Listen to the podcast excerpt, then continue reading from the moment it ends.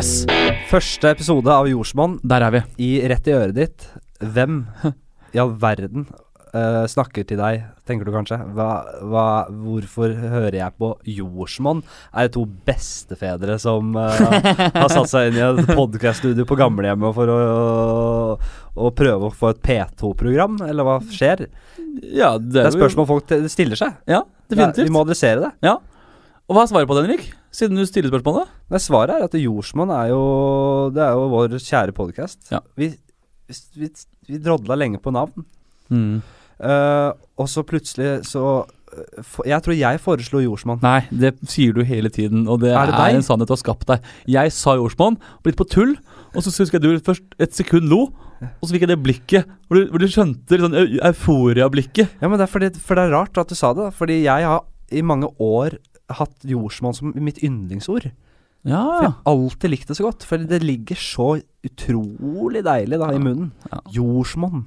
Jords. Jords. Bare jords i seg selv er jo deilig å si. Det er best av jords og monn. Nei, det er vanskelig å si. Ja, det er som mellom barna sine. Ja, ja, det er helt umulig for meg å svare Ja. på. Det er rart at du spør meg om det. Du skjønner jo at det er vanskelig å svare på. ja, selvfølgelig. Vet jeg også. Vi har foreldrene til navnet her. Ja, så da bare Det ble navnet på denne podkasten som uh, hvis, uh, hvis vårt mandat er å lære Vi, altså Fundamentet her ligger i læring. Og vi håper da å kunne uh, lære mer selv, og at folk som hører på, også får glede av den læringen, men med kanskje et slag av, innslag av å være ganske lite selvhøytidelige og lettbeinte. Ja. Og så har jo vi måtte definere hva læring er litt underveis, da. Det blir, litt, det blir kanskje litt tungrodd nå i starten? tenkt, nei, vi har tenkt at Vi har tenkt i utgangspunktet at vi skal ha sånn professorer og tungvektere. Og sånn sett, ja. ja riktig. Ja. Eh, og første gjesten er Sverre Goldenheim. Ja. eh, gammel, ga- gammel, Vi party, gammel partyfikser. Så Vi begynte faktisk som litt på PT-hostene på, beste, på, på gamlehjemmet. Jeg skulle ha forskere ikke sant, og liksom være liksom, akademikere. Ja, hvem var det vi trodde vi var, da? Men uh, læring er jo så mangt, da. Øh, Jeg lærte, ja, vi har allerede spilt inn samtalen med Sverre, og lærte masse av det. Man lærer Mm. mye av å høre om et liv, da. Og høre om oppturer og nedturer. Så uh, det var veldig interessant. Hvem er uh, Lars Joakim Kverner Hagen, min uh, sidemann her, lurer dere kanskje på. Han er jo en fyr jeg møtte på videregående. På dramalinjen på Manglerud. Uh, og han uh, likte meg ikke. Nei, det gjorde jeg ikke. Men det er også en god grunn til det. Han likte For- meg ikke. Det, det er, du, du kan komme til det kan du, jeg, nå, nå introduserer jeg deg. Å, ok, ok, jeg sorry, tenkte jeg kunne sorry, gjøre sånn. Ja. Eh, så møtte han der. Vi drev med teater og revy sammen. Og utviklet etter hvert, etter hvert et godt vennskap. Han er fra Hauketo. Han uh, er eh, glad i uh, gode venner, musikk, fotball, damer.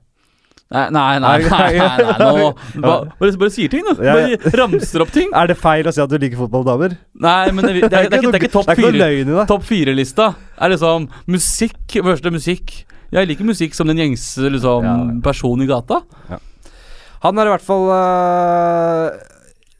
Da jeg gikk inn i showbiz, uh, videre inn i showbiz, Mm. uh, så tok Joakim uh, master i økonomi på Handelshøyskolen i Bergen. Og da mista jeg det litt. Jeg snakka ikke mye med deg på de årene der, ass. Du var jo, gikk rundt i, med slips og, og mansjettknapper og, og, tør, og tørkle i dress. Det er heller ikke, det er heller ikke riktig. Er, du, bare, du bare sier ting. Du bare finner på ting. Ja, jeg snakka jeg snakka aldri med deg på den tida, du var jo så opptatt. Så jeg vet ikke hva, du drev med. Var det lacrosse? Var det Nei, det kom jeg faktisk ikke med på i sin tid. Nei, jeg gikk lacrosse. Det polo? var, Var det det du gikk, var det det du gikk i? nei, det var, det var fotsal, så det er ikke noe så ja. jålete var jeg ikke på den tiden. Uansett så har han en eh, master i økonomi, eh, og vi har funnet kontakten igjen, og nå Vi startet jo med humor sammen. Ja, riktig. Vi gjorde faktisk det. Jeg jobber med humor i dag, og du er den jeg startet med ordentlig med humor med. Da. Så det er veldig gøy å da kunne slå sammen og lage en podkast som Ja. da heter Jordsmonn. Henrik S. Flatseth Ja. er en gutt fra Bekkelaget i Oslo. Um, Henrik Ikke noe, ikke noe ta, på, ta deg på foreløpig. Nei, for, foreløpig ikke. Uh, Henrik er av yrke standup-komiker. Ja. jeg har sagt mye om Henrik og, og vårt vennskap og hvordan det har blitt til, øh, og hva han driver med nå. Men det jeg vil fokusere mest på, er hva du gikk med første gang jeg så deg. Ja, fordi du Vi kom så skjevt ut, og jeg kom, visste det ikke vi, før. Vi kom også så skjevt ut. Og dette visste jeg ikke Dette fikk jeg ikke vite før i, i voksen alder, eller sånn lenge etterpå. Det At du hater meg, syntes jeg var en taper. Men også med, med meget god grunn. Nei, Du gikk nemlig med intet annet enn en lys militærbukse. ja. Det er, det Det er, ikke, det er ikke greit. Hvem var det jeg skulle gjemme meg for, da? Kamuflere meg for? Ja, det kan man spørre seg om. Siste du gjorde, var jo å kamuflere deg. Du var jo megasynlig. Jeg også du var Jeg husker den buksa. Var det så ille, altså? Faen. Ja, men ikke glem en ting, Henrik. Det er at i- i bakhodet mitt Du var med i en reklamefilm når du var ung. Ja, jeg var det. Og i den reklamefilmen der så var du litt stakkarslig. Jeg portretterte en ung taper, ja. Riktig. ja, riktig. Jeg portretterte Ja, du en portretterte. ung Og du gjorde altså en så god jobb med akkurat det.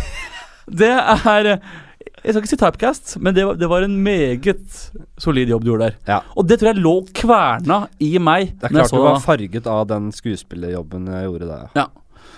Så, ti år senere, her sitter vi, en podkast, og vi ønsker å ha med oss gjester som kan lære oss et eller annet. Om selve livet. Og det kommer til å bli veldig mye forskjellig. Jeg har jo drømt om å ha en gjest som er en vaktmester av yrket. Mm. En, en gammel vaktmester med nøkkelknippe på beltet og hele pakka. Og eh, en, en, en, en, eh, en finger med i det meste i borettslaget, skjønner du? Typen. Skjønner. Det han vil jeg lære av. Han kan kanskje mye mer enn både- enn enn den smarteste professor. Ja, om sine ting så er han jo eh, sikkert et geni, Med for alt jeg vet. Han har jo Han har opplevd Tenk hvor mye han har opplevd. Jeg, det, jeg Nei, så- så det, det er læring. Det her kan bli borte med en gang. Vi, vi, vi drømmes bort. Jeg jeg, vil ikke si at det er drømmegjesten min, men den er høyt oppe på lista. Ja. Hva er din drømmegjest? Å, min drømmegjest eh, Jeg har faktisk Jeg har et navn på det. Ja. Eh, Det er Geir Lippestad. Geir Lipse. Ja. Stemmer, du har sagt det før. Ja, jeg har det. Det er For en interessant mann. For, tenk deg de vinklingene Fordi han du har vil på høre ting. om Breivik og det igjen der, eller? Nei, ja, nei, ikke nødvendigvis om Breivik, men jeg vil ha hans syn Ja. på de tingene der. Ja. Hvordan han har reflektert rundt det. Altså, er det noe den mannen er, så er det reflektert. Jeg tror han kan komme med ganske mange gode vinklinger på ting som vi tar for gitt. Det er en Kjempegjest, selvfølgelig. Vi får se. Men en annen gjest vi har Ja, men om vi klarer å få Lippestad eller Ja. ikke, det er opp til dere. Og dere må faktisk Hør. gjøre en liten innsats her, dere òg. Vi, vi, vi, Lippestad Dere kommer ikke kan ikke bare få og få og få. Her må dere også gi. Vi sitter oppe i et lite studio uh, som uh, drives av moderne media. Uh, et fantastisk produksjonsselskap som sådan. Men Så Lippestad kommer ikke opp i dette lille studio eh, sånn det er, er nå. Vi, vi er nødt til å levere. Vi er nødt til å vise til resultater. Og der må vi dra i samme retning, eh, kjære lyttere. Uh, Men før vi gjør det det er veldig interessant uh, at vi fikk snakke med Sverre Golne. Meget. Og det var Jeg koste meg veldig, veldig, veldig. Eh, så mye at vi i plenum bestemte oss for å bli enige om at dette var første episode. Som selvfølgelig er veldig viktig for oss.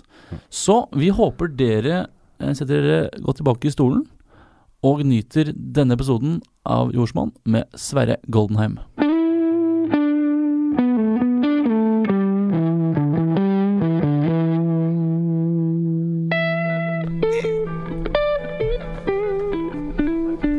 Slå deg ned.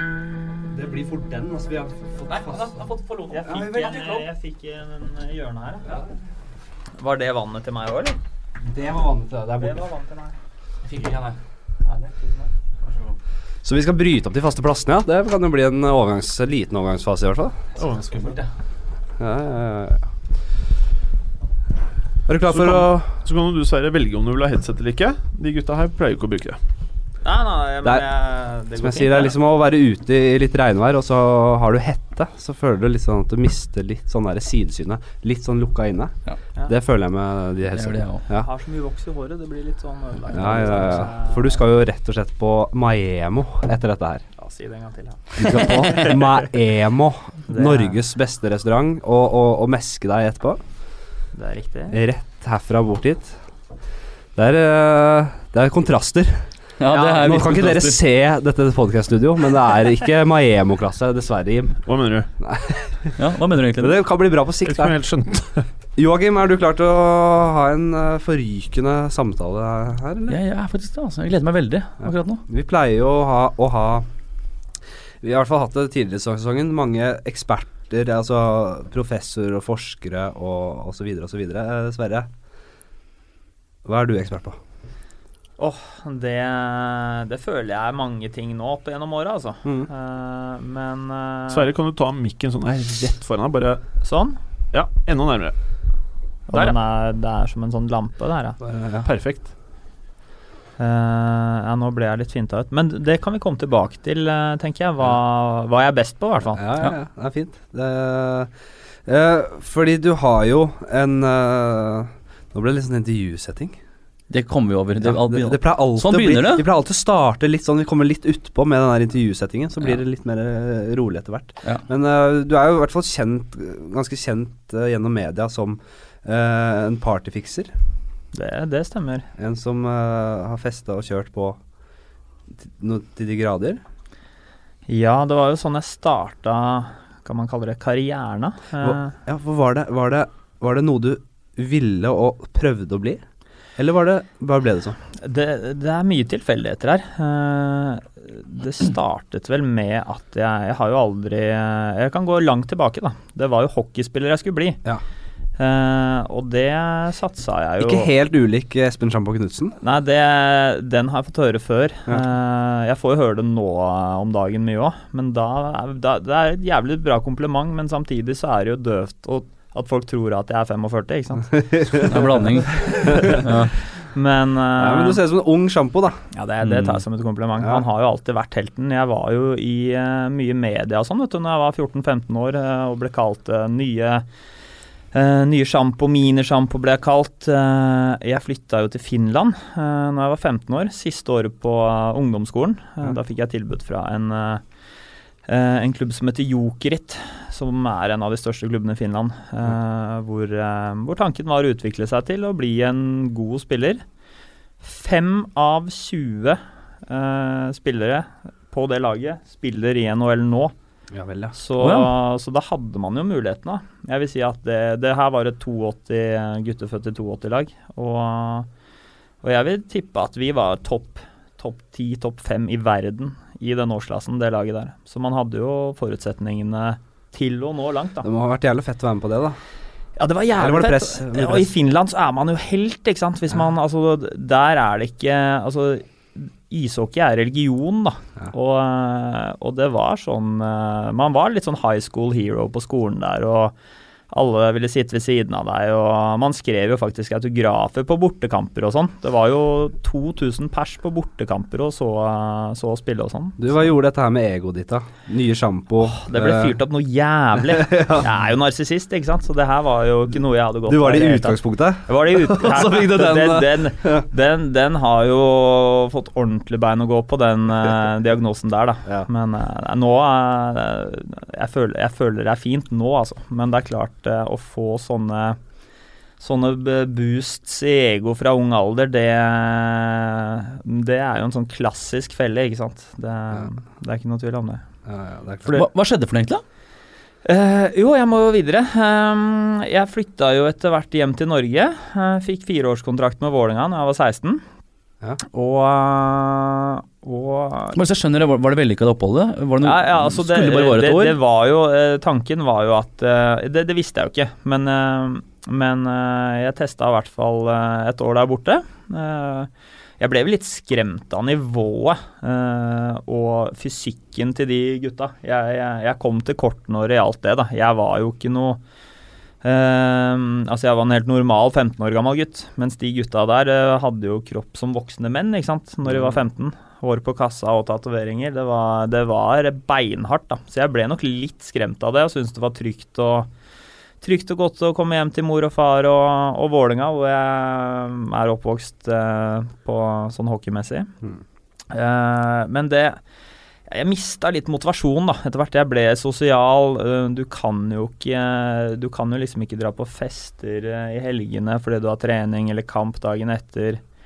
Eh, Jeg spilte jo på yngre junior, eldre junior og trente med A-laget, så man spilte jo på tre lag.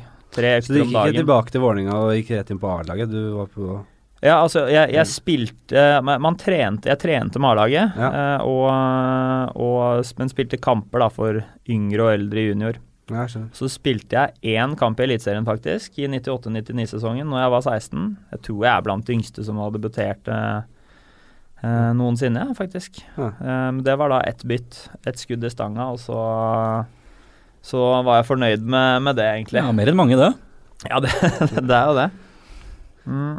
Var det Havna du fort ut på festing og etter du kom tilbake? Ja, altså det var jo eh, Når jeg først fikk litt sånn smaken på det livet der, da, med å røyke litt hasj, uh, ta litt drugs, drikke seg full Hvilke uh, drugs snakker vi om da, ja, utenom hasj? Altså, jeg gikk jo rett på pulver, jeg, da. Ja. På, uh, på cola, holdt jeg på å si. Mm. Og egentlig alt det man kunne stappe opp i grevet. Mm. Så var det jo um, da, da skulle jeg bli best på det. Ja. Da, var, da var det det som var i fokus, og det det klarte jeg jo å bli òg, på, på, på en, eh, en måte. Um, men tilbake til det med spørsmålet eh, om eh, hvordan jeg ble partfikser, så, så havna jeg jo til slutt i en situasjon hvor jeg ga faen i skolen etter hockeyen. Eh, var jo ekstremt bortskjemt òg, ikke sant, på hjemmefronten. Så når jeg var i tidlig 20-årene, så hadde jeg jo ikke noe utdannelse, ingenting å falle tilbake på. Fordi du vokste opp på Ulvøya. Ja, det er riktig. Mm. Uh, og hva slags hjem uh, Frie tøyler? Vi hadde møbler, og det var eh, altså sånn klassisk skilsmissebarn. Jeg var jo oppvokst hos uh, mutter'n, og det var jo Det var fint, ja, altså, men hun var jo mer litt sånn en bestevenn enn en morsfigur til tider. Så det var ganske frie tøyler. Ja. Men uh, Fikk så mye hockeypulver du ville? Nei, altså, det, det fikk jeg jo ikke av ja. På den tida så var det hockeypulver? Ja, det, det stemmer det. Uh, ja, nei, det sto ikke på det. Uh, men eh, hva skal jeg si. Det var Det, det var, var ressurser, da. Ja. Og begynte å drikke og Nei, du hadde idretten, ja. Ja, altså, du jeg var seriøs på jo, det? Jeg var jo, men det som var med mutter'n, vet du, hun eh, Når det gjaldt det at jeg var jo besatt av å være best i hockey, ikke sant. Så jeg fikk jo Til tider var det jo greit at jeg skulka skolen for å dra hjem og trene litt og skyte pucker på postkassa. Det var veldig eh, Det var litt for frie tøyler. Det, dette hadde jo fatt, hadde fatter'n visst at det var så så julaften hver dag der, så, Ja. så hadde nok han satt ned foten litt Uh, Ja. Litt uh, tidligere. Ja, ikke sant. Nei, men du, ja, tilbake til uh, Ja, hva, hva, hva Det balla på seg, liksom. For fra du begynte å ta en del cola og, og skulle bli best, og, best med greve. Ja, det, var, det er rart ikke er større det grevet, altså. Men eh, Nei, jeg, jeg, jeg hadde ikke noe mål og mening med noe, ikke sant. Jeg, jeg eh, bodde hjemme og ja, var sånn snylter på mutter'n og, og fatter'n. Det var ikke noe Det var ikke mye tak i meg. Helt til eh, Og jeg var ute på byen fire-fem ganger i uka. Ble jo kjent med masse folk, ikke sant. Mm. Eh, I alle, altså alle typer mennesker. Et ordentlig bytryne. Et skikkelig bytryne. Mm. Altså, det var jo flaut. Så mye var jeg ute. Eh, men det var jo også det Man var jo avhengig av eh, Altså avhengig er litt å ta i, men man var jo i hvert fall sugen på, eh, på alkohol, på drugs. Mm. så, og det er sånn livet mitt har vært, da. Er jo at jeg er det som heter på engelsk en binge drinker. Altså når jeg begynner å drikke, så gir jeg meg ikke før kroppen er helt i kjelleren. Jeg, jeg sover jo ikke, ikke sant. Jeg, jeg er våken i 24, 48, 70 timer. Gjelder det med når du kun tar uh, drikker alkohol, eller er det Nei, det da sånn- slukner man jo. Det Ja, er jo, colaen som gjør at man, eh, at man holder eh, ut i det uendelige. Jeg var jo Jeg hadde jo jævlig lakenskrekk, ikke sant. Jeg, jeg utsatte angsten. Ja, men- Eh, jeg, Fordi det, ja, fordi det er derfor du, Man har ofte lakenskrekk. Man er redd for å ligge alene med tankene. Var det det? Så Mm. du hadde litt angst allerede da? Ja, altså angst har jeg jo hatt eh, Ja. egentlig eh, siden ja, fra tidlig 20-årene. Det er klart Når man var i tenårene, så rista man jo Da kunne man jo drikke hver dag og bare riste det av seg, på en måte. Men eh, etter hvert eh, som Altså det med, med dopet, da, eskalerte, Ja. så ble man jo ganske kjørt i, i nøtta av det, altså. Har du sagt at eh, du aldri har fått fylleangst, eller du har ikke fått det siden 1999, så har du sagt. Eh, men at du har, har angst for helse. Du har det, altså. Ja, altså, på, det var jo en god holdning til det. ja, altså, Fordi du, har- det, er, på måte, det er jo noe sånn irrasjonelt over å skulle vite at man driter seg ut, man drikker, eh, drite seg ut, og så angre etterpå. Mm. Så liker dette greit, du skal på fylla i dag. Jeg kommer til å drite meg ut, og jeg gidder ikke angre på det. Men var det, du sa det tøffa deg, var det bare renspikka løgn, eller?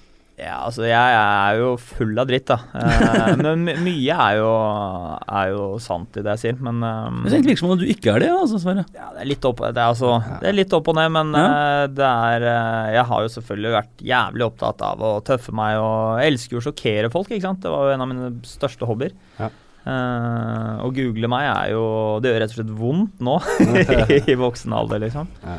Så da, da får du jo ganske svart på hvitt hva man har klart å gjøre. Hva angrer du på nå spes spesifikt på det du har sagt? Eh, altså det ja, man, har jo, man har jo sagt det, det, Den lista er jo så lang at eh, jeg vet ikke om jeg har tid til å gå gjennom den. Nevn én ting, da. Ja, altså en det, den, episode. kanskje, den kanskje drøyeste tingen jeg har gjort, er vel den trygdekontorvarianten. Det, det var rett og slett ganske unødvendig altså, å stille opp på. Ja, for den episoden der fins ikke lenger. Jeg finner den ikke. Ja, jeg, ja det vet jeg. Det er lenge siden jeg har sett nå, men eh, den um... Sikkert en eller annen som bare 'Dette skal jeg ta opp og ha Ja, det- for evig å gjøre'. Hvis du hører på nå, send den til meg, for jeg er veldig nysgjerrig. Er det det? Jeg tror det ligger på Jeg, NRK. jeg, så, jeg så den når det eh, gikk på TV for mange år siden.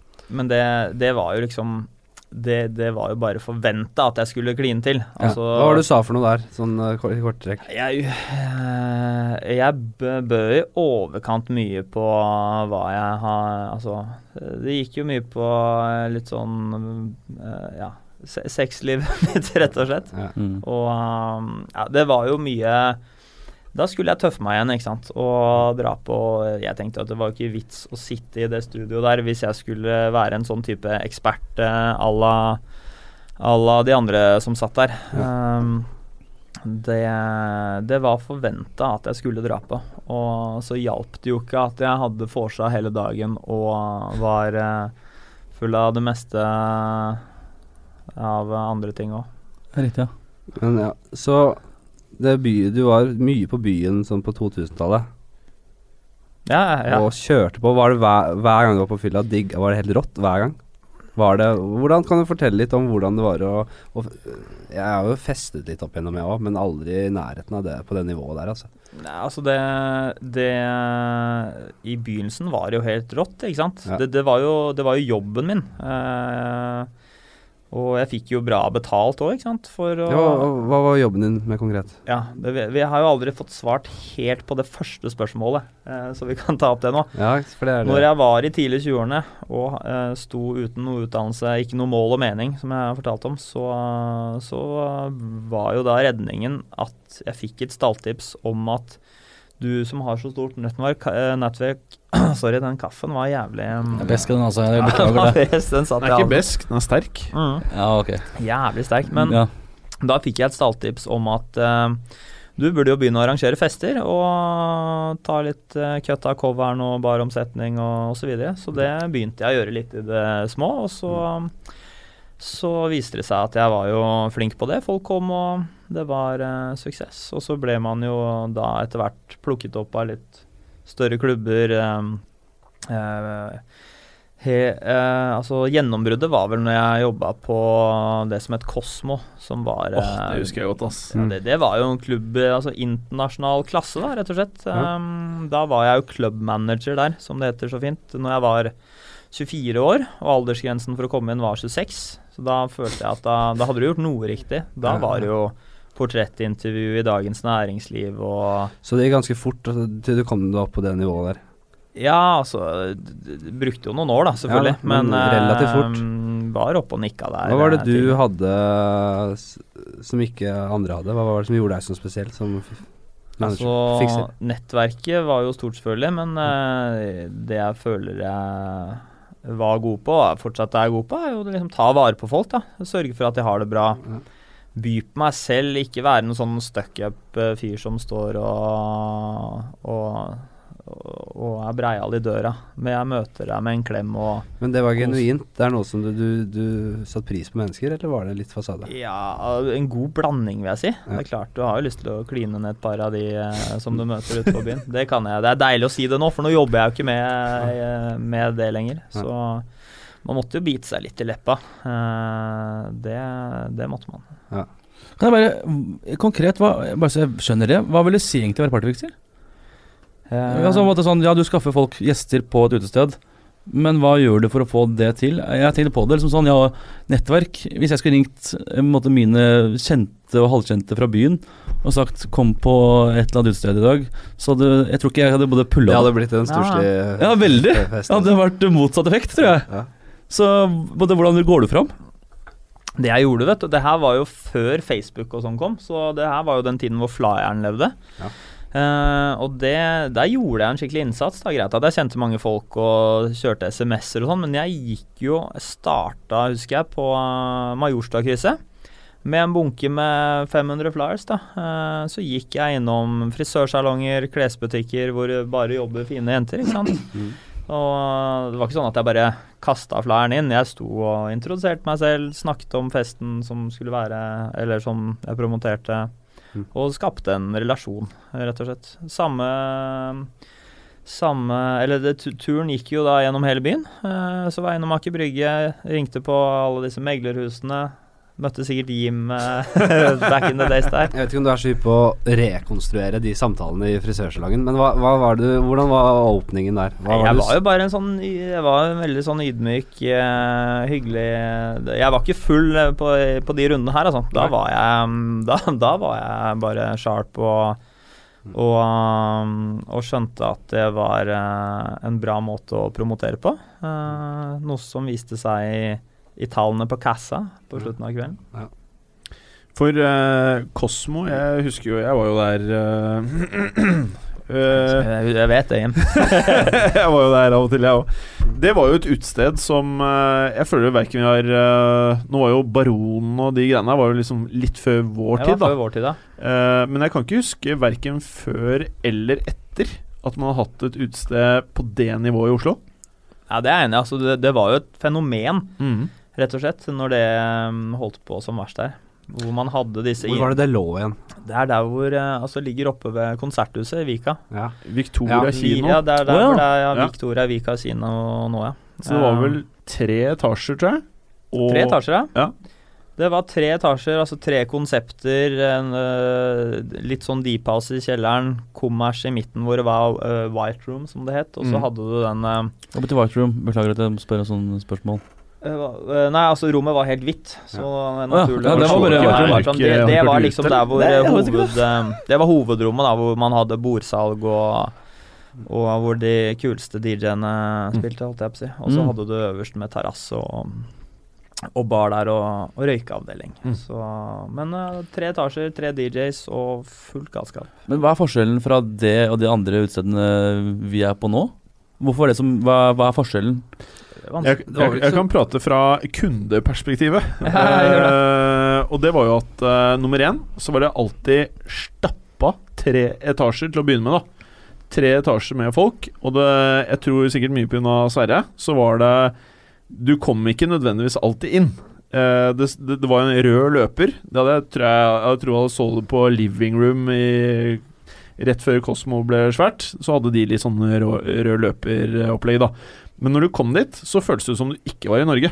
Det føltes som du var med i sånn matiné eh, fra gamle dager, sånne Casablanca-filmer. da Mm. At uh, det var Det var sånn Hadde Instagram vært stort på den tiden, da så hadde det liksom vært der alle Instagram-damene bare sto kavet og bare slengte seg etter Sverre. da Altså det var vanskelig å komme inn. Det var det første. Nå rødmer jeg, rødmer jeg Jim. Eh, det var det første. Og nummer to, når du kom inn, så var det jo Du møtte jo alle eh, de du var keen på å møte, og så så du alle du var keen på å se. Uh, og det var eh, litt av greia. da Så husker jeg det var på den tiden når uh, Swedish House Mafia var svært, så var jo Axwell innom der en gang. Og det var jo sånn det, det var mye ting som skjedde der, og det var de sykeste damene i byen. Det var det jo. Bare kjapt, er det et utested i Oslo i dag som uh, har samme statusen som Kosmos en gang? Nei, altså Ikke på samme måte. Nei. Men det som uh, Mye av grunnen til at Kosmo uh, fra, fra mitt perspektiv, da Grunnen til at det ikke er noe eh, lignende i dag, var at Kosmo hadde ikke den det, Solli plass var ikke etablert. Eh, det var ikke noen utesteder der eh, på samme måte som nå, hvor du har jeg vet ikke hvor mange utesteder det er, fem-seks. Ja. Mm. Nå har jo det blitt et sånt vestkantsentrum. Det var, ikke, det var ikke noe sånt som var etablert, så det var mye mindre konkurranse ikke sant, i tillegg. Som gjorde at du kunne Det er jo ikke et sted i dag som, som kan ta altså trekke 1000 pers. Det kommer ikke 1000 pers til et sted i dag, for det er for, det er for mye konkurranse. Ok, Du må hjelpe meg med noe. Ja. Eh, fordi eh, jeg har opplevd det selv, å stå i kø på et utested. Eh, og jeg prøver noen ganger å liksom være ålreit mot dørvaktene. Men jeg merker at det, det biter ikke helt på. Har du noen tips til meg på hvordan jeg liksom Hva, hva er det de liker? Hva, eller hva liker liker du, da, når du står utenfor et utested? Hvilke Eh, kunder eller gjester var det som måtte, dette, dette her han liker jeg, eller hun liker jeg? Ja, det, det, ja, det er altså Jeg har jo heldigvis ikke vært han som har stått i døra og be, altså, som vakt, da. For da må du jo ha sånn vaktbrikke og sånn. Uh, men uh, altså det som et utested setter pris på, er jo at man kommer og er en mixed group. Altså gutter og jenter. Det Ja. er veldig lite populært med sånne guttegjenger på fem, seks, syv, ti pers. Ja. Eh, For man vil jo ha en, en sånn mm, fin ratio da, av gutter og jenter, sånn at det ikke blir eh, den klassiske pølsefesten som alle har hørt om og, og frykter når man er ute på byen. Hvis man er ti gutter, da? Er det, og hva, hva hjelper da? Eller er Så det med andre ord så er du sjanseløs. Jeg er sjanseløs, ja. Det er det jeg hører nå. Nei, men jeg må prøve litt til. Ja, nei, men det, altså, det, Trikset da er jo å bestille bord og, og, og, og kjøpe seg inn. Ja, det er det, ja. Det Ta med penger, penger, og damer, så er mye gjort. Ja, jeg har null av to i så fall. Ja, men det, ja. Jo, du, du snakker om at du, lik, du, liker, du likte å sjokkere. eh, og du var jo en sentral del av det stedet der. Hva, på hvilken måte sjokkerte du? Hva var det du gjorde? Hva var det som uh... Ja, altså eh, På den tiden så var jeg faktisk Da holdt jeg meg ganske sånn uh, i, uh, i skinnet på den sjokket. Altså, jeg gjorde mye sykt på nachspiel, men ikke så mye ut. Det var ikke noe sånn media på den tiden. Nei. Det var utelukkende positiv media. Det var DN, Finansavisen. Jeg husker jeg var på liste over eh, hva er- et blad som het Økonomisk rapport, på 25 unge lovende under 35. Ja. Så det var jo Det var jo en helt annen liga på den tiden. Også Før- mat eh, til ego? Dette var før galskapen. Egomat? Ja, masse. Ja, jeg, selvfølgelig. Jeg ble jo gæren i huet ikke sant, av alt det der eh, Å bli fyrt opp eh, med sånne komplimenter og Og ja, det, hva skal man kalle det? Det var eh, man, man har jo ikke godt av sånt. Nei. Men Følte du, følte du da at du måtte toppe det? Var det som var grunnen? At det holdt liksom ikke lenger da å være bare en flink partyfikser og ja, ha seriøse intervjuer? Du måtte føle at du måtte toppe det både når du var på byen og i media? Ja, altså det, det er så vanskelig å få altså, og, og jeg har ikke noe svar på hvorfor ting ble som det ble. Eh, men når jeg først begynte med litt sånn Jeg kaller det bare stunts, jeg. Eh, Altså guttestreker, da, rett og slett. Som det var, det var vel ikke meningen at det skulle havne i media. Uh, F.eks. når jeg tok og tok pikken i kjeften på han sovende fyren i Saint-Tropez der, så var jo var ikke det intensjonen om at det skulle komme i media. Men det ble jo blåst opp eh, ganske greit. Og etter det så så, så syns jeg syns jo det var jævla gøy, ikke sant. Så jeg begynte å komme med litt, eh, litt drøyere og drøyere ting. Til slutt så, så ble det jo et sirkus. Ja, hva drøyere og drøyere? Nå må du Nei, altså det eh, Jeg, eh, jeg kommer ikke hit for å rippe opp i de sårene der. Nei, det får jeg ikke Men det er jo eh, Nei, det var mye mye uanstendige ting som skjedde, rett og slett. Ja. Kan, vi ikke bare, kan vi ikke bare kalle det det? Men angrer du på det? Altså, alt det All den galskapen, da, eh, har jo eh, vært med på Dette er veldig sånn klisjé, men, men det har jo vært med på å forme meg til den jeg er i dag, på en måte. Ja. Jeg har jo ikke noe uoppgjort med, med noe som helst. Uh, og det er jo deilig å, å vite at uh, livet bare går, kan bare gå oppover fra nå av. For det er jo litt sånn at de, ja, de, også de negative tingene er med på Hvis du er fornøyd med deg selv i dag, da, så kan du ikke angre så mye på det negative du har gjort opp igjennom. Fordi det har også vært Eller det, det negative du har opplevd. For det har vært Det, det skaper en uh, kompleks person, da. Ja, ja. Flere lag. Mm. Det er klart, det. Ja. Men uh, ja, selvfølgelig. Uh, om det er noe jeg skulle ha liksom viska ut, så er jo svaret ja. Helt klart. Det, det er det jo. Men uh, man har jo hatt det jævlig mye gøy da, oppi alt det her. Det, når folk uh, Jeg har vært veldig ærlig i media om det med rus og alkohol, og at man er uh, rehabilitert med det nå. Og, og det høres jo ut som bare alt har vært skikkelig trist og leit og dritt hele veien. Det har det jo ikke i det hele tatt. Det har jo vært dritgøy fra onsdag, torsdag til søndag, og så har det vært jævlig. Den angst, angsten og, og pan, altså sånn panikkanfall som man har fått uh, på det verste der, det, det er klart det, uh, det koster. Ja. Men, uh, men på oppadgående rus, som det heter, da har jo alt bare vært en Altså, det har vært gøy. Dans på roser er vel litt å ta i, men det har jo vært til syvende og sist gøy, den biten. Ja. Men det er deilig nå, da, å ikke Altså, å ha noe uoppgjort. Noe som Det er ikke mye som gjør meg nysgjerrig der lenger, og det er egentlig veldig deilig. Men det var, du kjørte fire dager eh, Ja, ja. Fire dager eh, hver uke, nesten. Ja, om ikke hver uke Altså, det det jeg hadde krefter til å kjøre, da, Ja. på en måte. Så da var det fullt kjør, og du drakk og rusa deg til eh, du slukna? På morgenkvisten, kanskje? Så, Ja, altså Enten på morgenkvisten eller på morgenkvisten på dag tre eller fire. Ja, ikke sant. Ja. Så du kjører alltid Det, gående? man døgna, da, som det heter. Ja, ja, ja. Så hva, hva fikk du ut av uh, Hva gjorde du på Det var ikke så mye dagtid, jobbing på dagtid. Det fikk du unna på mandag og tirsdag, kanskje? Altså, jeg var alltid flink til å Nå var jo mye av jobben og uh, Altså, på, på slutten av eh, eh, På slutten av den altså, partyfikser-karrieren, altså, var jo mye av jobben bare å vise ansikt på steder. eh, ta med folk ut på middag. Eh, da, da var det, det var ikke så mye krav til meg, da, på en måte. Nei. Så jeg hadde veldig frie tøyler, og det var jo selvfølgelig sykt deilig. Så, den, så lenge jeg var tilgjengelig på telefon, mail Jobben var jo å få inn bookinger, ikke sant. Og så outsourca jeg den bare videre til eh, bookingansvarlig for eh, de stedene jeg har jobbet. Så Ja. det var jo Det var en jobb som ikke var en jobb, uh, på godt norsk. Med, altså sånn, sånn jeg ser på det. Ja, ja. Men i dine øyne, når det sto på som verst, eh, hva skulle til for at en tatovering ble ansett som verdig for å ta den? Veldig lav terskel på de tatoveringene, altså. Jeg må innrømme at ja, jeg har jo Det var et bilde, eksempel. Jeg så Du hadde da tatt bilde av lårene dine, Mm. eh, hvor det sto eh, På hvert sitt år sto da 'go fuck', og så yourself på det andre. Mot meg selv, ja. Mot deg. Ja, var det ikke det mot deg selv? Ja, du tror det var digg å våkne opp til den beskjeden da, hver dag i tre år?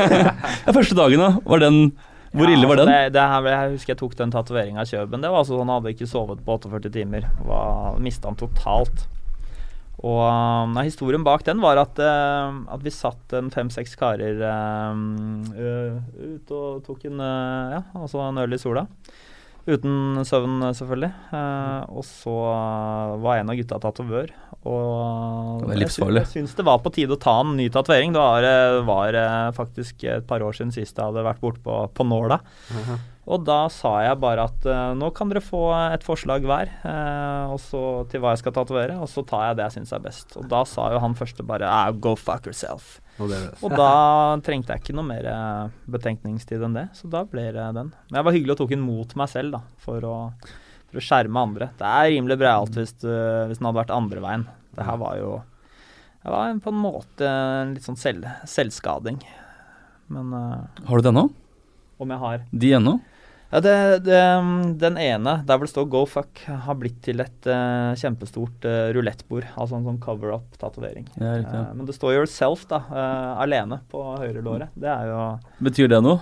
Eller er Nei, det eh, bare det, vanskeligere å dekke til? Nei, det, det kommer nok en cover-up der òg. Ja, Den ser litt stusslig ut. Men For det, det er våkne og så se yourself yourself er vel kanskje også noe ego Ja, ja, jeg, ja det, det, det er helt riktig. Jeg, jeg bruker det. Det er litt sånn motivasjon. Eh, Jeg vurderer å ta bare et stort hjerte rundt. eh, Ja, selvfølgelig.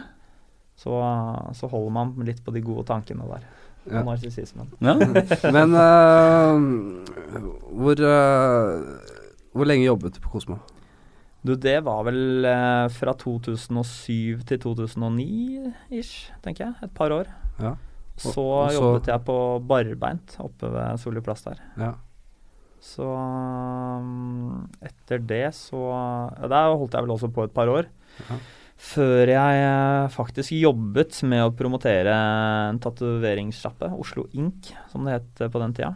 Uh, det, der ble det jo også et par nye minner for livet, uh, i form av blekk. ja, hva da?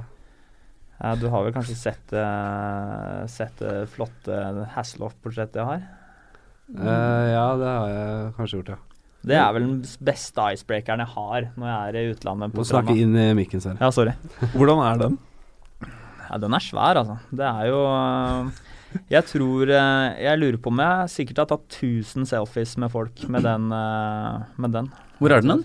Det er på hele, hele dritten her. Er, det- er det for stress Hele- å vise det nå? Ja, Hele ribba, hele ribba Det det kan du heller ta øh, Ja, det, det orker jeg ikke, faktisk. Nei, ok. Det er Skjorte og greier. Ikke? Jo, Jeg kan jo. google her, jeg. Gidder du det? Så vi får gjøre det.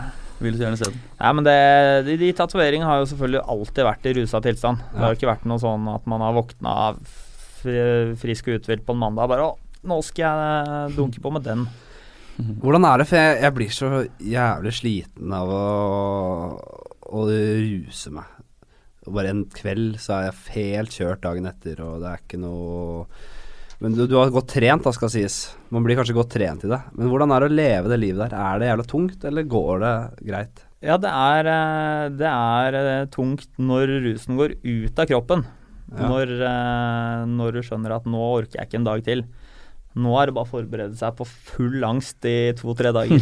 Ja. det, er, det er surt. Da ligger man jo bare i fosterstilling og, og eh, tror man skal dø.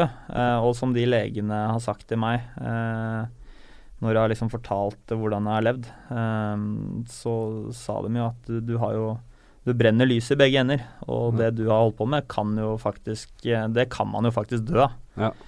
Så, altså, du kan jo dø av mye mindre enn det. Så jeg er jo glad for at jeg, har, eh, at jeg er i live, rett og slett. Det, det er ikke given, det, altså. Jeg tror jeg får bare opp uh, Golden Shower, jeg. Ja, den, eh, og den har vi ikke tid til. Se på den, du.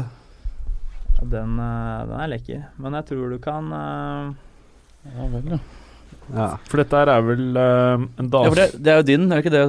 Det dame det? som dusja i uh, Jo, den er min, vet du. Men den, den, den, har, den har jeg også tatt en cover-up på. Det var julegave til fattern, for vi skulle på badeferie med, med fattern og hans eh, tyske daværende kjæreste og familie. Og da skjønte jeg jo det at eh, nå, nå var det bare å kline opp den for å representere her. Så det satte han jo veldig pris på. Det fortjente han òg. Han har jo hjulpet meg eh, bra med med for, for, Hva skal man kalle det? Forandringen. For, for, ja. Det skal vi komme til uh, etter hvert. Eh, bare, vi bare ruller gjennom Ja, ja, ja. dette, livet Jeg, ditt. jeg jeg, må bare Jeg føler jeg sitter som en litt sånn gimp. Sånn. Ja, sitt Ja, akkurat som du vil. bare Ja. Sitt akkurat som du vil. jeg tenkte på um, Fordi det å være på utesteder eh, det, det er både sånn veldig sånn utsvevende liv hvor mye er overflatisk, og det er eh, damer og utringning og karer med sjampis. Hadde du noe bevisst forhold til å gjøre ting for å holde deg på jorda når du ikke var på byen? For, da, for å balansere ut den ekstreme eh, ekstrem livsstilen du hadde der.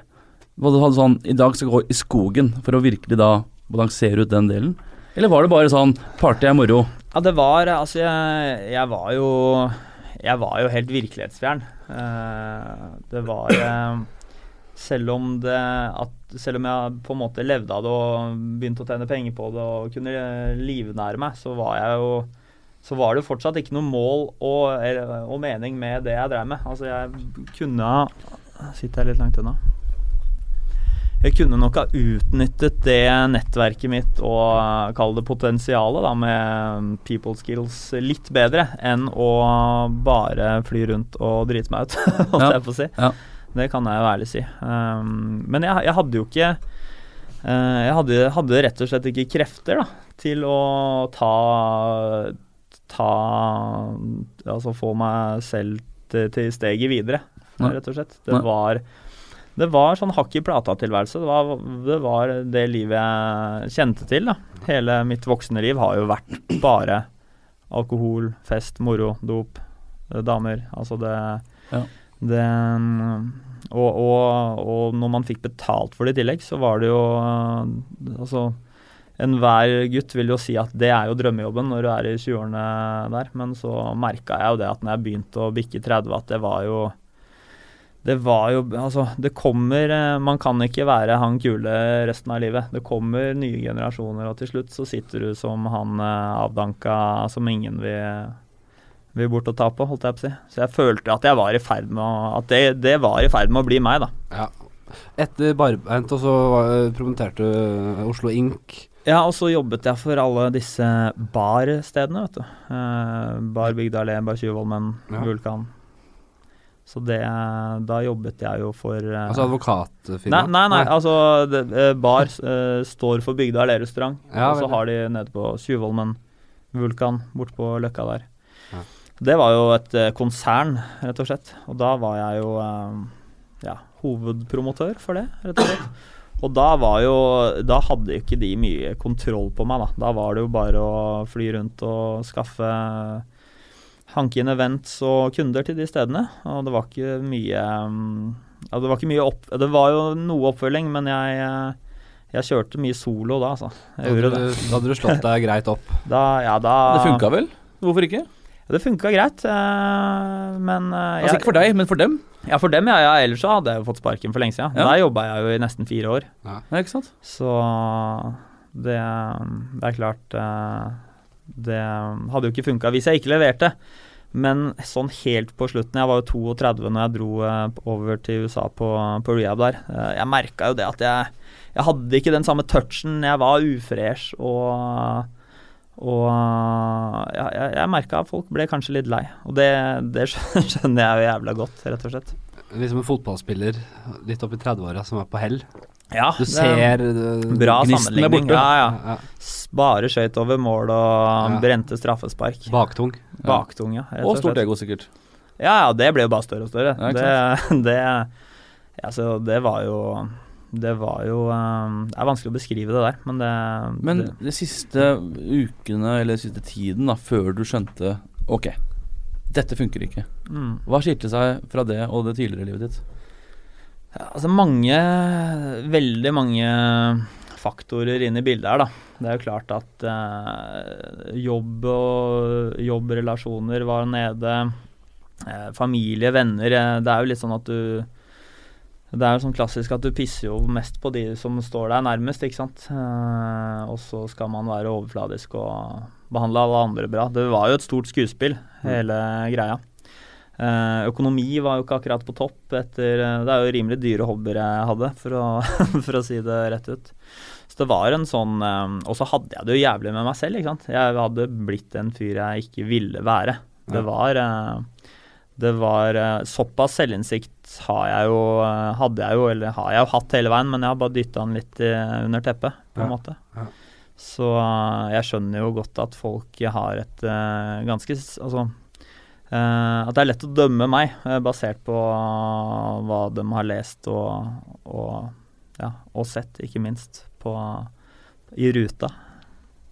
Mm. Ja. Men en ting som jeg ofte lurer på, da Du eh, har jo sikkert sett veldig mye eh, forskjellige mennesker som folk eh, har sett i media og sånn. Du skal ikke nevne noen navn eller sånn, men eh, det jeg ofte tenker, da, når du eh, kanskje av mange blir sett på denne som personen som kanskje møtte flest av kjendisene, finanskjendiser, alt mulig sånn i en gitt utelivsperiode, da Ja, ja. en del av historien i Norge. Du må jo ha fått med deg noe helt hinsides med eh, stories og opplevelser. Du må jo ha Det har vært noen nachspiel, for å si det sånn. Uh, jeg er absolutt ikke ute etter å utlevere noen. Nei, nei, nei. Eh, det, det skjer jo ikke, men Mm.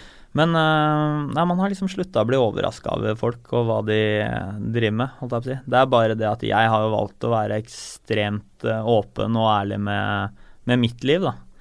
Og det kan man jo nå Ja, altså Man angrer jo på, på noe, selvfølgelig, men eh, det er helt umulig å, å skru tilbake tiden og viske ut det, så nå gjør jeg bare eh, altså det jeg kan for å ha fokus på de positive eh, tingene i livet, og tenke framover. For du eh, Ja, du, du møtte veggen til slutt. Var det sånn Møtte du ordentlig veggen, eller var Det det var betongvegg, da. Det var betongvegg, ja. si sånn. Ja, men smalt det sånn kontant rett i veggen, eller var det ordentlig? Nei, det var, det var mer et sånn at det ble til et sammenbrudd, da.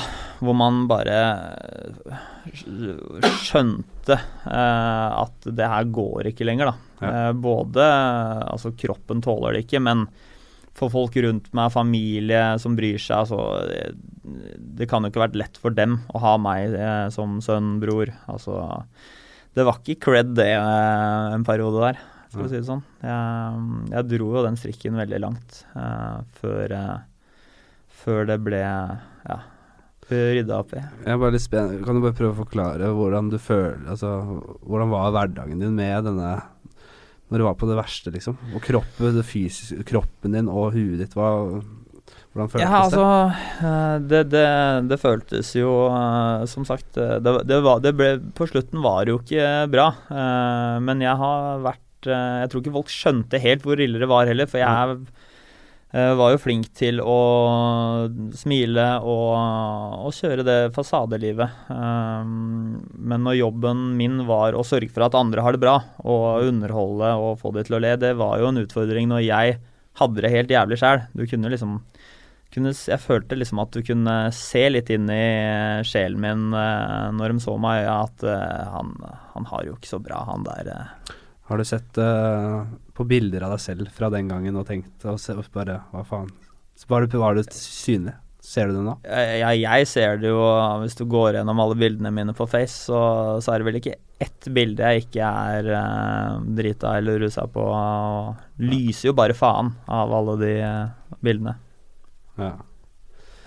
Men uh, Ja, nei, du Så stikker du til e e hva, Hvordan er den rehab uh, Ja, det var en spesiell opplevelse, ass. Det, jeg um, vi, vi hadde jo en liten sånn familieintervention, hvis du kan kalle det det. Ja, du, ordentlig, Ble du kalt inn på teppet? Nei, vet, vet du hva? Det gjorde jeg selv. Altså, Ja. Jeg hadde en veldig fin samtale med søsteren min, som uh, fikk meg til å innse at nå, nå var det på tide å, å be litt om, uh, om hjelp. Altså, det har jo vært hinta til Eh, Familien min har jo skjønt at jeg har uh, hatt problemer i mange, mange år, og det har jo vært hinta til at, uh, at det har vært tid for å ta seg sammen, men da ble jeg veldig sånn hårsår og brukte litt sånn angrep som forsvar. I Ja. stedet for å ta imot den hjelpen, så klinte jeg heller til ti ganger verre, ikke sant. Eh, Jeg ble litt sånn fornærma, rett og slett.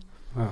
Men, men når man ble enige om å, å rydde opp, så var det Det var, det var en veldig lett, stor lettelse for meg, da. Å, å vite at nå, nå kan det bare gå en vei. Nå skal det Angsten skal bort. Man skal øh, Ja, jeg må bare legge alt på hylla, rett og slett. Gleder deg til å komme over.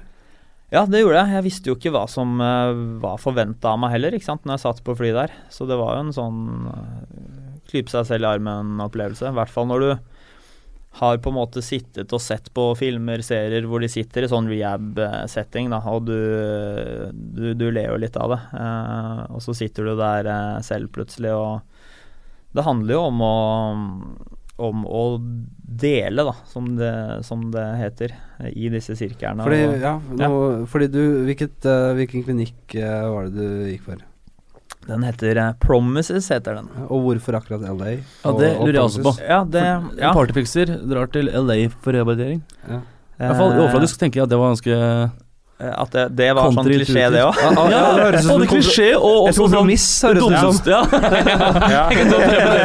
Jeg skal til LA. Det er ikke mange som drar til Altså LA er jo en som, en, vanligvis en by som spiser deg helt opp, og så drar du på rehab. Men eh, eh, selve den rehaben var jo veldig eh, Altså eh, hva skal man si Det var jo et stort uh, inngjerda område. Det var ikke noe frihet der. Det var som et sånt eh, semi, semifengsel, hvor, eh, hvor du altså må gi fra deg mobiltelefon, data Et fengsel der du betaler for å komme inn.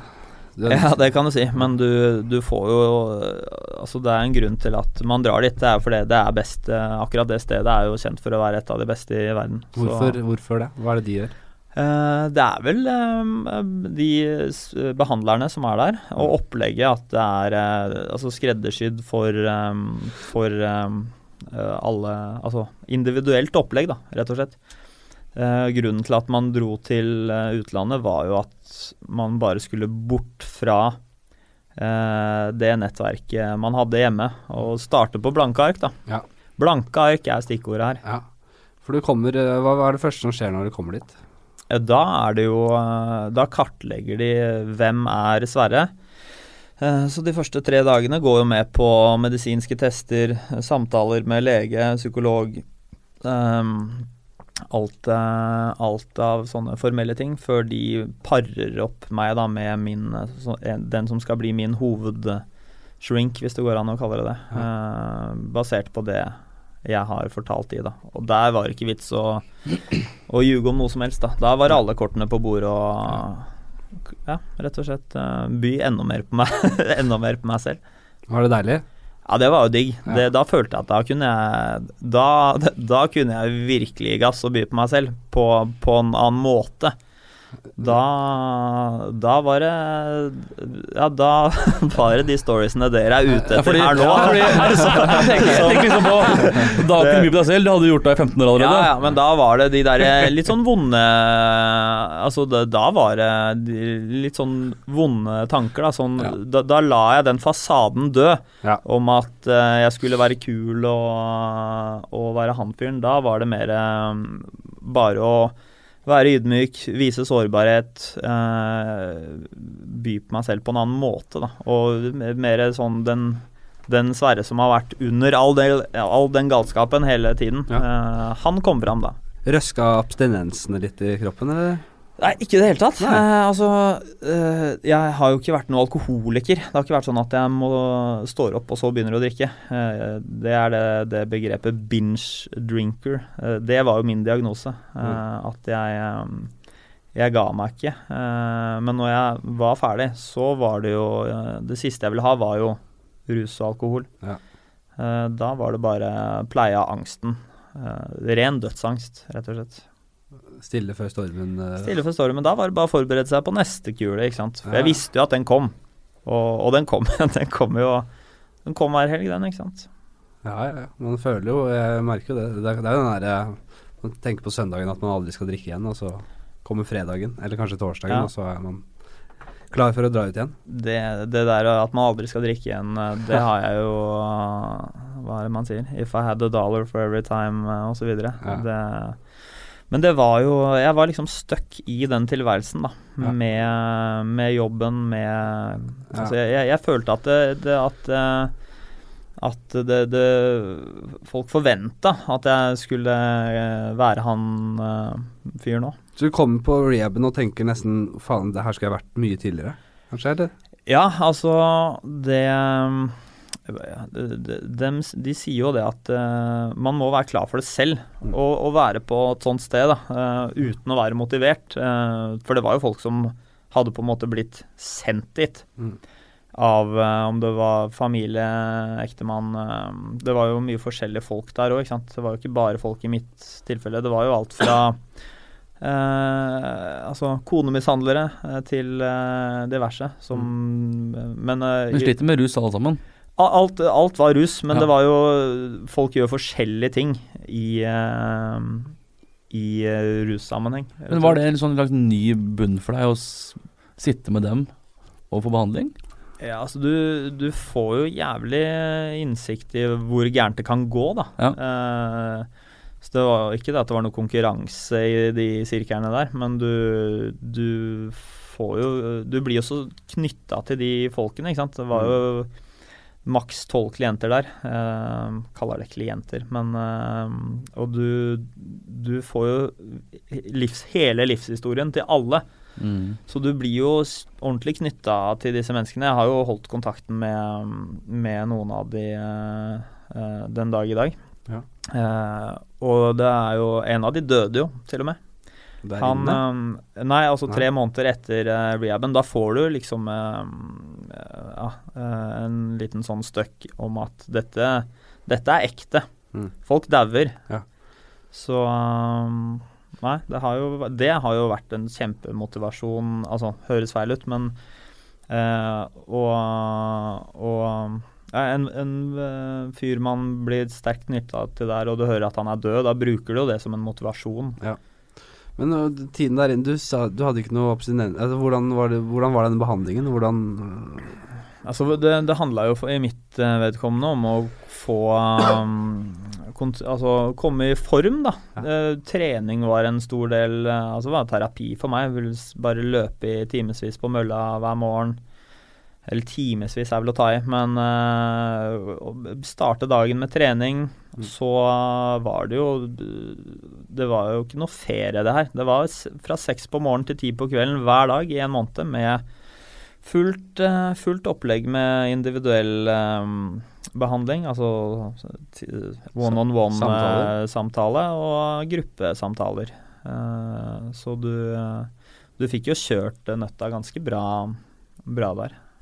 Ja, hva, Jeg bare prøver å finne ut hva, hva, er hva var det de snakket om? Hva var det som Hvilke grep brukte de for å nå inn til uh, folk? Altså, det, det, det er mest Det var mest fokus på å å å på en måte innrømme at du har et problem. da. Steg én, som, som hele den rehaben handla om. Ja. Å å legge seg flat og innrømme at man har et problem. Var det mange som ikke klarte det? Ja, det var noen. Ja. Uh, men, og igjen, da, da er jo det bortkasta å, å bruke så mye spenn på, på en sånn behandling, hvis du ikke er klar for det selv. Jeg var jo uh, supermotivert og, og, og veldig ydmyk og takknemlig for at jeg fikk sjansen til å, å være med på et sånt opplegg. Så det jeg tok eh, Jeg benyttet meg av Mm. av, av det tilbudet og gjorde maksinnsats. Ja. Og det har jeg jo på en måte gjort fra fra jeg tok den avgjørelsen, som er nå tre år siden, Ja. til, eh, til nå. Du gikk ut med toppkarakterer. Derfra, ja. Ja. Ja, det, det, det ble diplom der. Hvor lenge var du der? Eh, Selve den behandlingen var en måned, og så var det en måned på hvor jeg bodde i et såkalt um, sober house, da. Hva skal man si? Et opplegg hvor du hadde um, folk rundt deg som, eh, som eh, du hadde samtale med. Det var innetider, du ble testa for eh, dop, alko hver gang du var ute av huset. Det var en sånn måte å venne seg til, um, til livet på utsiden, hvis det går an å si det. Men det var en helt fantastisk tid. Da brukte jeg jo den til å prosessere hva man hadde vært igjennom på, på den behandlingen òg. kom meg, kom meg tilbake til, til samfunnet igjen. Ja, og da, slett. du, dro- ja, dro tilbake til Norge igjen? Eller? Ja, da var jeg Da var jeg Altså, den første etappen var jeg i USA i to og en halv måned. Og så fikk jeg jo jeg, jeg fikk jo faktisk kjæreste der borte, så jeg flytta tilbake igjen og var der i tre måneder. Selv om det ble slutt med hun etter to dager da da jeg kom tilbake. Men Mm. det er en annen eh, lang historie. Mm. Men um, jeg brukte bare tiden eh, bra til å ja, til å få fokus på, mm, på meg selv, da, med å trene, uh, networke der borte. Men var det så enkelt for deg å, å være der borte da i LA i tre måneder uten da å ha noe konkret å gjøre? Veldig bra spørsmål. Eh, jeg eh, Altså, i LA så er jo Eller i USA da generelt, så er jo det å være sober er jo Det er jo en trendy, kul greie. Eh, og det var jo mye av, det, mye av grunnen til at jeg valgte å være der så lenge. For det, det å komme hjem igjen til det vante og samme gjengen hadde jo vært litt å skyte seg selv i foten når du har investert så mye og kommer bort fra det. da. Mm. Så jeg var borte så lenge jeg kunne for å, å få Altså, amerikanere er jo så positive òg, ikke sant. Når det gjelder det med å være sober, det er eh, det er bare, mm, bare positivt der borte. Da får du klapp på skulderen og klem og good for you. Mens her hjemme så er det jo litt mer sånn Hæ, hvorfor drikker du ikke? Selv om man forteller at man har et problem med det, så er det jo ikke Det er jo liksom ikke god, god Da får du høre ta én, da, bare. bare ja, ja, ja, det er sånn Altså, nå har folk vært jævlig kule med meg. Da har jeg ikke vært noe, har ikke opplevd noe press på noen måte. Nei. For jeg har jo For min del har det jo hjulpet veldig å være åpen, f.eks. i media med sånne ting. Da setter jeg jo mye press på meg selv, ikke sant, for å Ja. For, å, for da er jo fallhøyden veldig stor hvis, eh, hvis jeg ryker igjen, eh, rett og slett. Ja. Så det, det har vært en sånn bevisst taktikk å være veldig åpen og ærlig om det. Men du har jo nå valgt allikevel å bli en, en promotør heter ikke sant? Igjen. Ja, ja. Det vil jeg jo på en måte alltid være. Uh, For du ønsker det, altså? For det er ikke det livet du ikke liker lenger, det var bare den rusen du ikke klarte? Ja, altså den, det, det livet jeg hadde, da, var jo Altså jobben var jo å uh, på en måte være Det var min natt, kall det nattjobbing, da. Ja. Den biten er jeg jo ferdig med. Å oh, ja. stå ute på nattklubber, eh, det, den er jeg ferdig med. Mm.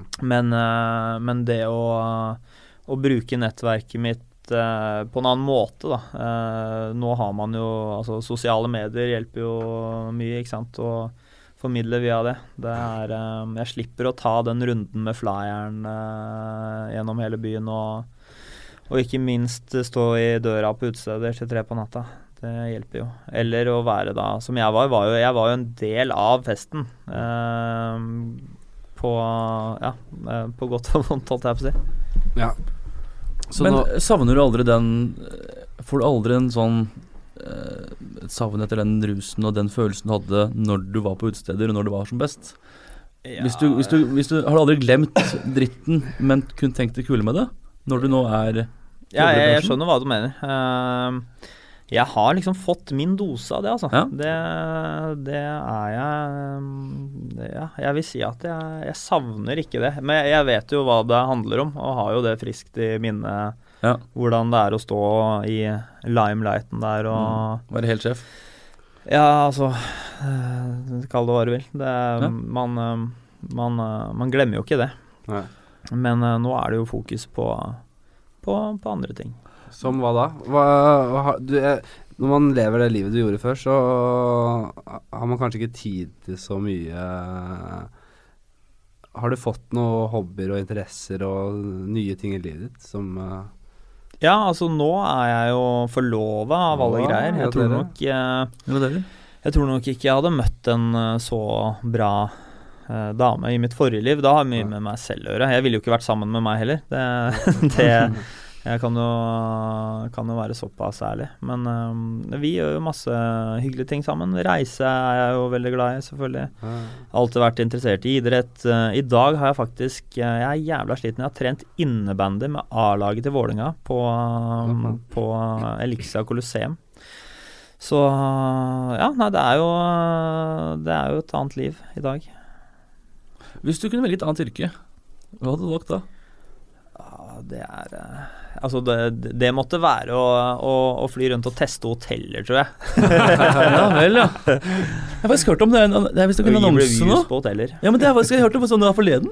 Hva var det hørte det igjen? Eh, At det er en sånn Det er eh, et kult TV-program, eh, blant annet, hvor det er en fyr som tester ut alle de feteste hotellene i verden. Ja, nei, jeg hørte noe om at det er en eller annen sånn jobbannonse nå, hvor du skal reise rundt i verden og besøke de aller beste hotellene, og blogge om det. Og så får du 8000 for det. Ja, det kunne jo vært Så der noe. eh, har vi jo muligheter.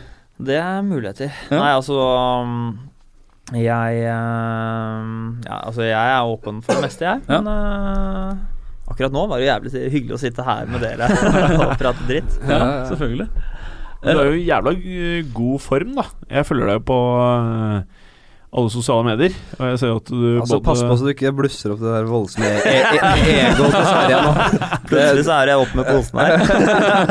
Men du er jo veldig fit nå. Ja, ja, ja. Det er jo det, er jo det jeg bruker som Altså, det er en Fungerer som terapi, det, da. Eh, Det er, for meg er det å stå opp hver morgen og trene er litt sånn som om man drar på jobb. Det er ikke sånn at man ikke drar på jobb hvis du skal på jobb klokka åtte eller ni. Så, så har jeg stilt om hjernen til at man, man står opp og drar på trening. Ja. Så ja, det, det å være i god form eh, er jo eh, det, Man må jo jobbe hardt for det. eh, og det, det er klart Det er også en motivasjon til å ikke ta, ta ned flaska eller andre ting, fordi man vet at det ødelegger helsa og formen. Har du bra kosthold også? Ja, kosthold er, det vil jeg si er ganske ryddig, altså. Jeg er veldig opptatt av sånne økologiske ting, jeg, vet du. Ja. hjemme. Ja. Blitt sånn snobbete på det. Men uh, fordi jeg prøver jo da å holde meg unna sukker, Ja, og det er faen ikke så lett. ja det er eh, Det er, eh, ja, det er beinhardt, for du, det er jo sukker i alt, så å si. Alt som er Ja. Hvis du ikke lager det fra bunnen av, kan du unngå det. Ja. Ellers kan man spise mye skyr. Skyr. Det er Og- nå, Det dytter jeg i meg mye, altså. Du gjør det? Ja, bra. Det Blåbær òg, eller? Blåbær, alt, alt, som har, alt som du tror er sunt, det Mm. dytter jeg i meg. Blåbær er det sukker i. Blåbærskyr er jo bare Ja, sånn, ja. på Ja. laboratorium, Ja, så du må jo ikke blande det med blåbær. Nei, jeg trodde det var blåbær isolert. Nei, blåbærskyr til ja. Lars Joakim. Ja. Ja. Nei, men alle dere tre er veldig opptatt av kosthold.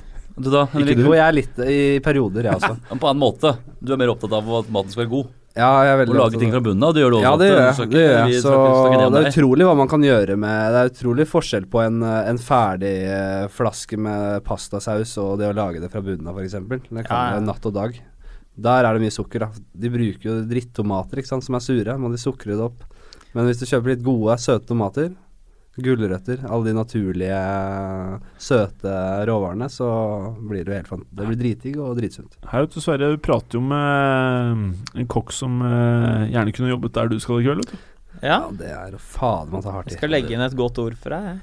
Nei, men det er i hvert fall jævlig lite er, Folk kan veldig lite om om, eh, om matlaging, da. Mm. Og, og, og ernæring.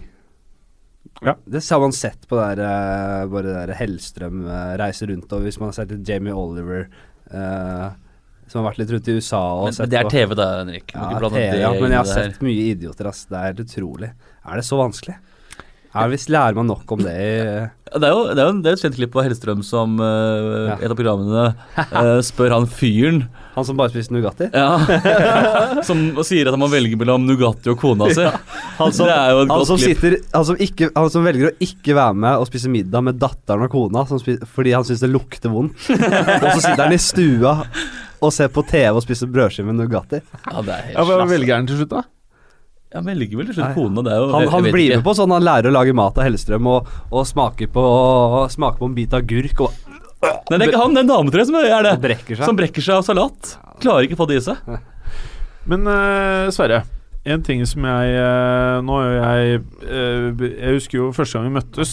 eh, Vi har jo gått på skole sammen, Jim. Jeg var på skole sammen, men første gang vi møttes etter eh, det du kaller ditt forrige liv, eller ditt andre liv, da, Ja, ja.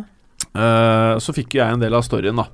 Og en ting som jeg spurte om, og vi ble aldri ferdig med den samtalen, for vi skulle jo egentlig møtes og ta en kopp kaffe. Så ble vi sittende i tre timer. Tre-fire Vi har det så hyggelig, jeg og Jim. vet. Ja, det er veldig hyggelig. Eh, så lurte jeg på en ting, eh, og det var dette her med fristelser, da. Ja. Eh, når du har levd et liv hvor du basically kunne liksom gjøre akkurat det du var keen på, eh, så vet man vel også hvor eh, Jeg vet jo ikke, jeg har jo ikke levd dette her, men det virker utenfra som at hvis man ikke fikk eh, represalier, da, altså hvis det ikke var noe nedside ved det, så virker det som på mange måter det kuleste man kan oppleve. Mm. Og så tenker jeg da eh, Er det ofte at du kanskje setter deg ned og tenker liksom bare Shit, eh, det var jævlig fett i tider. Og at du kanskje får litt dragning mot det. Ikke suger mot nei. dop, liksom, men mot det livet. Ja. Ja, ja, det var jo Det var jo Altså, hva skal man kalle det?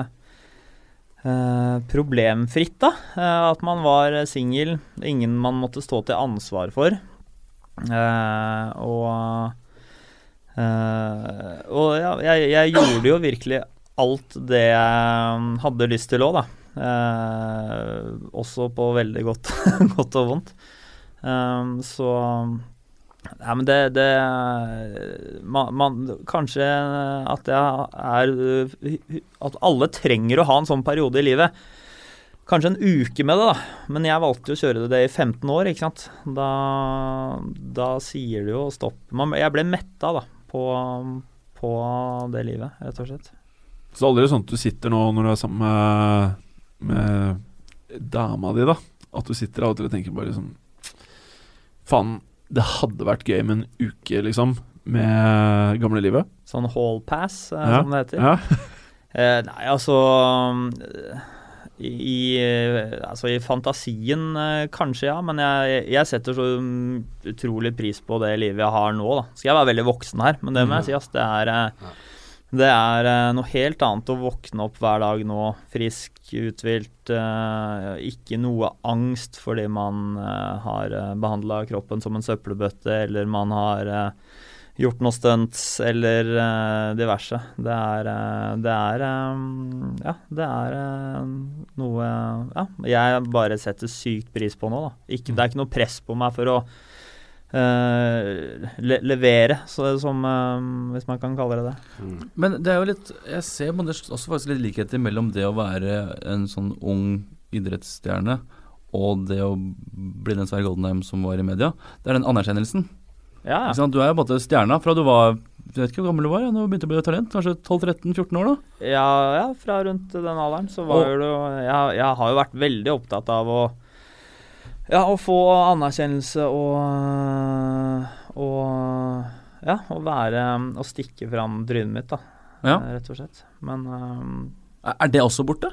For det vil nesten tror jeg er verre. jeg, de sitter jo her og stiller opp, da. Jo, for så vidt. Det er, det er jo sant, da. Så nei, men nå føler jeg at um, det som jeg syns er hyggelig nå, da, uh, er jo det at uh, fra å være en som ikke nødvendigvis var et sånt godt forbilde eh, Mange syntes jo det var morsomt det jeg holdt på med, og det var jo stas når, eh, når det ringte eh, en, eh, en eh, Eller 29 karer fra Nittedal som skulle ha russebuss, og som ville ha meg som uh, konsept. De kalte jo den bussen bare Goldenheim og malte Ja, det var helt galskap. Så, så, Var det bilde av hodet ditt på bussen? Ja, den bussen er helt vill, faktisk. Den kan du Ja, da skal jeg google asap. Den er på De har vel en Instagram-profil. Goldenheim 2014, tror jeg den heter. Da skal du få se tidenes buss. Men uh, fra å være en, et forbilde i den forstand, da, bare galskap, til uh, nå hvor jeg får mer seriøse henvendelser på hvordan Det er mye mørketall ikke sant, på folk som sliter. Ja. Ja. Uh, med alkohol, rus, også seg selv generelt, da. Jeg får jo jævlig mye henvendelser fra folk jeg ikke kjenner, som bare skriver kaldt på Facebook og legger ut om om livet sitt da, og spør om tips og råd. og Det er klart det, det er jo veldig smigrende, den, den biten. da. Men også givende, regner jeg med. Ja, det er givende. Det er klart, da, da må jeg jo klappe meg selv på skulderen. Ja, Og, selvfølgelig. og, og jeg svarer jo på alt da, av sånne henvendelser. Jeg er ikke for kul for det, liksom. Det er klart jeg vil jo Jeg vet jo hvor, eh, hvor tungt det kan være å sitte med Altså i saksa, kall det hva du vil, da, og ikke Mm. komme seg ut av det. det da er det jo eh, hyggelig å få hjelp, råd, at noen eh, ja, eh, bryr seg, holdt jeg på å si. Ja, det er klart det. Her har vi bussen, vet du. Eh, Det er, det Ja, er, det er malt, er malt på siden av bussen i en meget frekk positur med en slags hund på fanget, var det det? Ja, det, det faktisk det, yes, det Det var et sånt manneblad som het Alfa Ja. før i tiden, som han Magnus Rønningen var redaktør i. Ja. Og han eh, Jeg var jo i hver eneste utgave. Han sa jo det at eh, du kunne ikke hatt manneblad i Norge uten at jeg var med i hver utgave. Så, så da var jeg sånn midtsidemann. det, var, det er en remake av et sånt uh, Hasselhoff-bilde, hvor han eh, sitter med disse hundene, eller ligger med de hundene. Ja. Så det var en, eh, en kopi av det bildet. Ja, Det minner meg om et annet bilde som jeg ofte ser på Facebook-profilen til Henrik Fladseth. Ja. Det var showet, min første det showplakaten min, det. Ja, var det det? Ja, ja. Ja. Stemmer, den ligger på den pausen, ja. Den er fin, den. ja. Ikke dum, den. Nei. Eh, ikke dum. Nei, men uh, det er hyggelig. Godt, du ser godt ut. Jo, takk. Og nå er det Maemo, og jeg føler meg litt underdressed her, må jeg si. Eh, pene klærne. Ja, altså Hadde jeg ikke dratt på skulle de, Hadde jeg ikke skulle dit etterpå, så hadde jeg kommet i joggebuksa og hettegenser. Jeg er jo veldig glad i å, Ja. i å dresse down på, på privaten. Ja. Så, men så er det jo gøy å stæsje seg opp litt når det er anledning, selvfølgelig. Så veldig glad i å gå med joggebukse.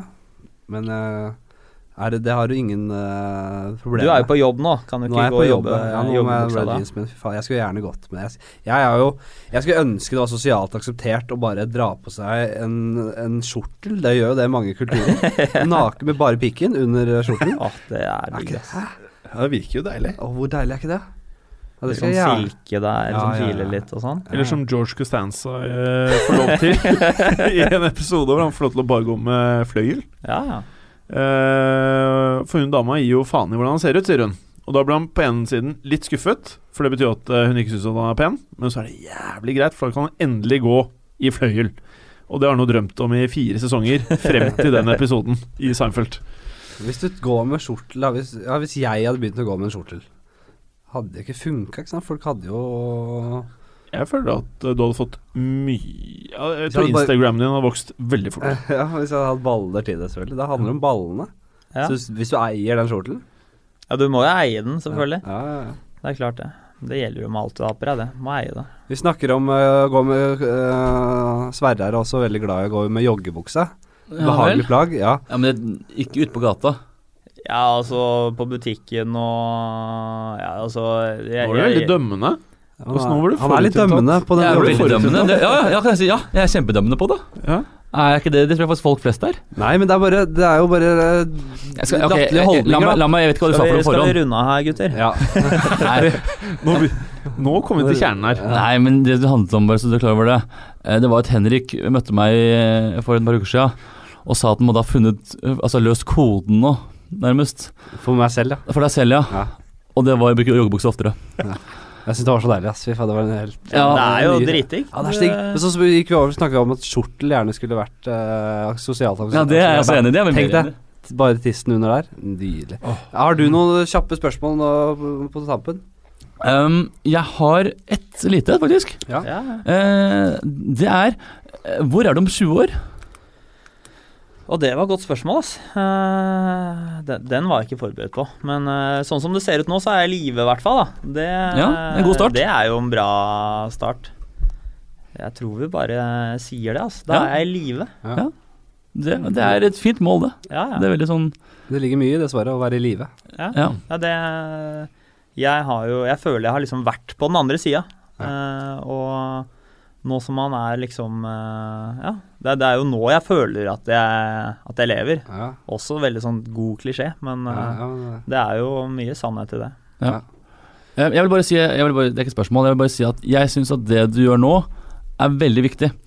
Um, fordi jeg tror at eh, det er veldig mange som er opptatt av å framstå som uh, er lykkelige og ha den fasaden som mange tror på. Mm. Jeg tror det kan være ganske skadelig. Og dette kommer nå ut nå med den andre siden av historien, om at ting var ikke så bra som det framsto som, eh, og at du har måttet gå gjennom en prosess for å begynne et nytt liv. Det syns jeg er veldig viktig at du gjør, og det setter jeg veldig pris på. Og det tror jeg også mange der ute kommer til å uh, ha det bedre med uh, etterpå at du har gjort. Så um, bra jobba, det skal jeg si. var en, en, en slags topp tre-liste på Eller topp tre, tips til folk som uh, har eh, et rusproblem og et, uh, et livsstilsproblem. Hva vil det være? Det, det handler om å gå ut av, av den komfortsonen sin, da. Og uh, være Altså å tørre å legge kortene på bordet. Eh, nå blir ikke dette noe sånn nummerert rekkefølge, men det å legge kortene på bordet og si Sånn i hvert fall, jeg, jeg tror den eh, ta, takhøyden for å fortelle hjemme, da, mor og far, om at du driver med rus, det, for det er jo veldig tabubelagt ikke sant, i Norge. å, eh, å drive med rus, uansett om det er hasj eller kokain eller hva det er. Og, og hvis man merker at det har gått for langt, da, så, så, så er det Det er klart det, det føles godt å si fra. Det var det beste jeg gjorde, å bare tømme meg for alt. eh, All, all dritten ut. Og jeg tror nok at folk er redde for å heller Altså, det som skjer da, eh, er nok at du heller får kjærlighet tilbake enn å bli utstøtt. Mm. Men jeg tror den eh, Altså, folk eh, er redde for det, da. Rett og slett. Ja. Altså snakke med folk. Snakk med folk, rett og slett. Mm. Det er jo for meg å sitte her, og det er jo ikke noe Det er jo å gå ut av komfortsonen sin, det. Nå er jeg blitt veldig vant til å snakke om, eh, om det her, da. Eh, jeg byr jo på meg selv veldig mye i, i, eh, i den forstand at jeg, at jeg er såpass ærlig jeg er om det her. Det er jo ikke noe Det er jo ikke dritfett, eh, det heller, eh, men det, det føles så godt, da, rett og slett. Mm. Så det, det er bare å, å Hva skal man si? Dere får sende meg faktura på, på sånne psykiatriske tjenester. Ja, send. Aksmegleren Jim tar imot det. send hit, send hit. Vi har flust av gryn, så vi tar alt. Ja, bra. Okay. Nei, men Takk skal du ha. Det var veldig hyggelig. Veldig hyggelig. Altså. Bare hyggelig, Og kos deg. Bon appétit. Jo, Mhm. danke schön, danke schön. Ha det. Hei.